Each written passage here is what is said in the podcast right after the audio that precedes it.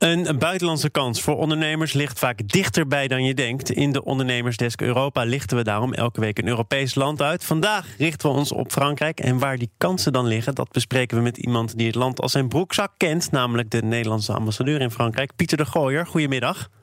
Goedemiddag. Ja, u mag het zo meteen allemaal nuanceren, maar toch nog eventjes de bittere realiteit. De Franse economie die groeit al jaren niet of nauwelijks. De werkeloosheid is in het land wat hoger dan in andere Europese landen. Gele hesjes die door de straten van Parijs lopen. Heeft een ondernemer echt wel iets te zoeken in Frankrijk? Jazeker. Jazeker. Gelukkig. Laten laten we, kijk, het is een groot land. Het is een markt van 70 miljoen mensen. Een stabiele, uh, goed intern functionerende markt. Um, uh, waar we ook als Nederlanders succesvol zijn. De afgelopen twee jaar is de ex export vanuit Nederland naar Frankrijk met zo'n uh, kleine 15 uh, procent gestegen. En ja, u zei, u gaat het nuanceren. De groei is toch ruim 1 procent op dit moment. De werkloosheid neemt af en is lager dan in de afgelopen 10 jaar het geval is geweest. Ja, 8,8 procent. dus er liggen mogelijkheden. Ja, ja 8,7. Goed, ja, baas boven baas. Maar goed, er is de afgelopen week ook het een en ander naar buiten gekomen over werkloosheidswetten. Uh, eind vorige maand maakte de minister dat bekend. Een furieuze vakbond. Wat is er veranderd in al die jaren, zou je zeggen? Is dat er ook nog een factor waar je dan wel rekening mee moet houden? Die toch gespannen arbeidsverhoudingen bijvoorbeeld? Ja, natuurlijk moet je er wel rekening mee houden, net zoals de regering dat doet. Uh, uh, er is uh, toch wel een traditie van militante, militante vakbonden. Maar toch, het land is ook echt aan het veranderen. je ziet steeds meer zelfstandigen, je ziet steeds meer jonge ondernemers. die veel minder die traditionele relatie moeten onderhouden met, met de vakbonden. Dus ja, nog steeds, ehm, er is hier goed zaken te doen in allerlei sectoren. Uh, wij kunnen als ambassade daar uiteraard bij helpen. We proberen voortdurend sectoren te identificeren waar, uh, waar mogelijkheden liggen.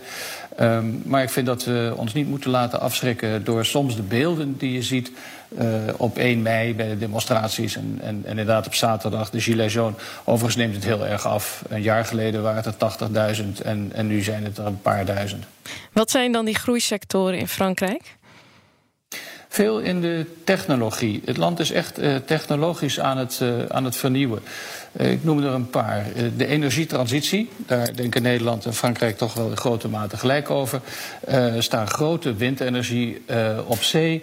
Projecten op stapel. De ontwikkeling van um, e-health, alles in de, in de zorg. Dat is een grote zorgsector. Daar gaat zo'n zo'n 20% van het nationaal budget gaat er, gaat er naartoe. En dat wil men efficiënter maken, dus uh, e-health. Uh, innovatie in duurzame mobiliteit. Uh, Parijs investeert enorm, maar ook andere steden in Parijs, in modernisering van, van de mobiliteit. En daar met, met, met veel ja. zeg maar, nieuwe techniek. Acht werken. verschillende dus soorten stepjes. Ik heb het een paar weken geleden mogen ervaren. Ik dacht dat het een plaag was, maar misschien dat u zich wel steppend over het Champs-Élysées beweegt. Nou, niet midden op de Champs-Élysées, maar, maar wel aan de zijkant. Nee, soms is het heel erg handig. En uh, ik vind het wel interessant om te zien, toch, dat hier... Uh, er zijn nu ook een paar van die stepbedrijven die eruit stappen. Dat de markt overvoerd is. Maar uh, er zit ook een Nederlands bedrijf, DOT, ja. dat, dat hier aan meedoet. Ehm, ik denk dat het een interessante bijdrage is aan de mobiliteit in een, in een grote stad. Dan over wat je nodig hebt als Nederlander om het in Frankrijk te kunnen maken. Ik denk toch nog altijd, wellicht ook achterhaald, maar een beetje beheersing van de Franse taal kan geen kwaad. Want zo goed ontwikkeld is het Engels van veel Fransen niet. Nou, daar hebt u gelijk in. Uh, de Franse taal is, is belangrijk. Fransen zijn trots op hun taal en stellen het erg op prijs als ze met iemand uh, gaan werken, uh, gaan, gaan, gaan zaken doen, dat die een beetje zijn best doet om die taal van, van de Fransen te spreken. Dus als je hier helemaal nieuw begint, dan is het verstandig om te zoeken naar iemand die je kan helpen um, en, dat, en dat contact te leggen. Maar ook daar, je mag het nuanceren. Jonge Fransen zijn eigenlijk best ge, geneigd om Engels met je te spreken. Dus het is een beetje allebei. Je, moet je best doen uh, je enigszins op hen te richten. Maar nogmaals, met de jongere generatie kun je uitstekend Engels spreken. En ik kan me ook voorstellen dat. Uh zaken doen met Frankrijk niet echt uh, onder één noemer te vatten is. Want ondernemen in Parijs is misschien wel heel anders dan ondernemen in, noem maar wat, Bordeaux. Ehm, ik denk dat daar niet zo heel veel verschil is. Uh, er zijn natuurlijk wel de clichés dat je hele lange lunches moet hebben met veel wijn enzovoorts. Ook dat moet je nuanceren, want jonge mensen doen dat helemaal niet meer. Uh, die drinken gewoon cola aan de lunch en, uh, en, en praten over het, over het werk.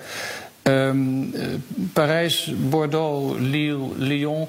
Uh, er zijn niet zo heel veel grote, niet zoveel grote verschillen. Er zijn wel sectoren. Als je naar Grenoble of naar, naar Lille gaat, daar wordt echt enorm veel geïnvesteerd in uh, automatisering, in, uh, in vernieuwing.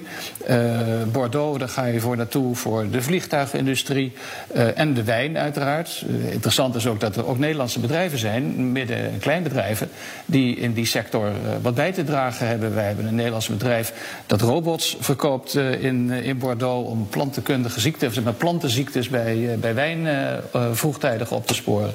Er zijn heel veel sectoren waar we met ons innovatieve vermogen uit Nederland in Frankrijk terecht mee kunnen. Pieter de Gooier, merci en à la prochaine. À la prochaine, dank u wel.